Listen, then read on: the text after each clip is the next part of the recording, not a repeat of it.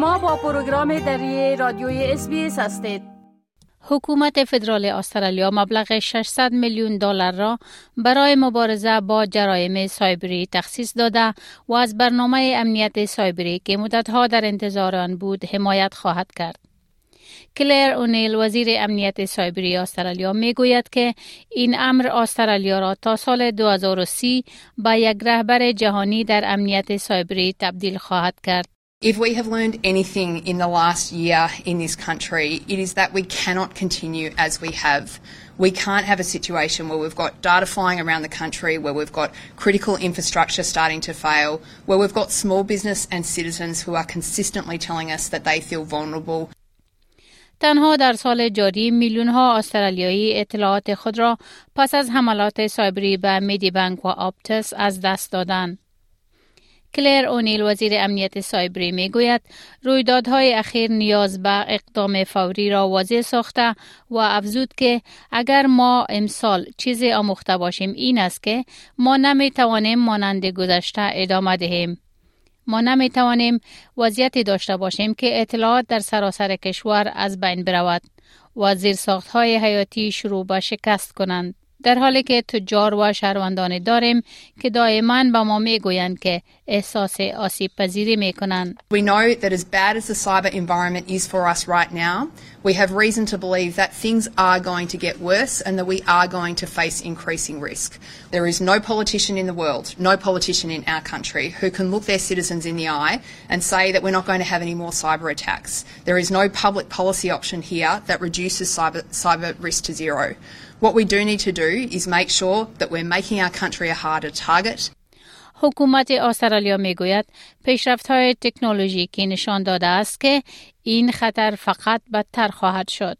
ما می‌دانیم به همان اندازه ای که محیط سایبری در حال حاضر برای ما در معرض خطر است دلایل داریم که باور کنیم اوضاع بدتر می شود و ما با خطرات فزاینده روبرو خواهیم شد هیچ سیاستمدار در جهان و کشور ما وجود ندارد که بتواند در چشمان شهروندان خود نگاه کند و بگوید که ما دیگر حمله سایبری نخواهیم داشت.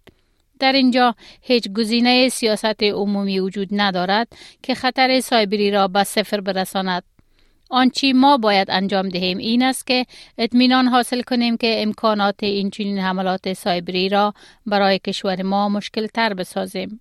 در حالی که تقریبا 600 میلیون دلار از همکنون تا سال 2030 برای بهتر ساختن امنیت سایبری هزینه خواهد شد و بخش عمده آن برای حمایت تجار کوچک و متوسط در مبارزه با حملات سایبری صرف خواهد شد. مبلغ 146 میلیون دلار برای دفاع از های حیاتی و بهبود امنیت سایبری حکومت و 130 میلیون دلار برای ابتکارات امنیت سایبری منطقه‌ای و جهانی به مصرف خواهد رسید.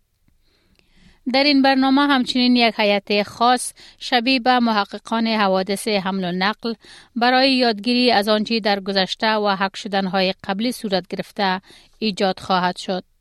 پروفسور جوانا ویورو رئیس و مؤسس مرکز طراحی سیاست فناوری در دانشگاه ملی استرالیا میگوید این یک طرح عالی است او گفت Look, I think it's a great strategy. It's very comprehensive, um, so it covers everything from individuals to small business uh, to industry and also to government that they need to get their own house in order. So, um, very, very ambitious, very comprehensive, and much needed. او گفت من فکر می کنم این یک استراتژی عالی و جامع است. بنابراین همه چیز را از افراد تا تجار کوچک و صنایع در بر می‌گیرد. بنابراین این یک استراتژی بسیار بلند پروازانه، بسیار جامع و مورد نیاز است. طرح جدید همچنان تجار را مجبور می کند تا زمانی که مورد حمله سایبری قرار می گیرند زودتر این حملات را گزارش دهند. بودجه برای این طرح بیشتر از 2.3 میلیون دلار است که قبلا در حکومت آقای موریسن به عنوان یک بسته 10 میلیارد دلاری برای اداره سیگنال های استرالیا وعده داده شده بود. اما حزب مخالف تحت تاثیر این استراتژی جدید قرار نگرفته است. جیمز پترسون سخنگوی امنیت سایبری در حزب مخالف می گوید این یک ناامیدی است. آقای پترسون گفت چیزهای زیادی می توانست در اینجا مطرح گردد. آیا استرالیا از این استراتژی امنیت سایبری بیشتر خواهد داشت؟ این بسیار مشکوک و ناامید کننده است. Uh, there are many more things that could have been in here that should have been in here. Uh, after all that talk, after all that rhetoric, is Australia going to be any more cyber secure from this strategy? It's extremely doubtful that it will, and that's really disappointing. هدف از این استراتژی این است که استرالیا را تا سال 2030 به یک رهبر جهانی در امنیت سایبری تبدیل می کند.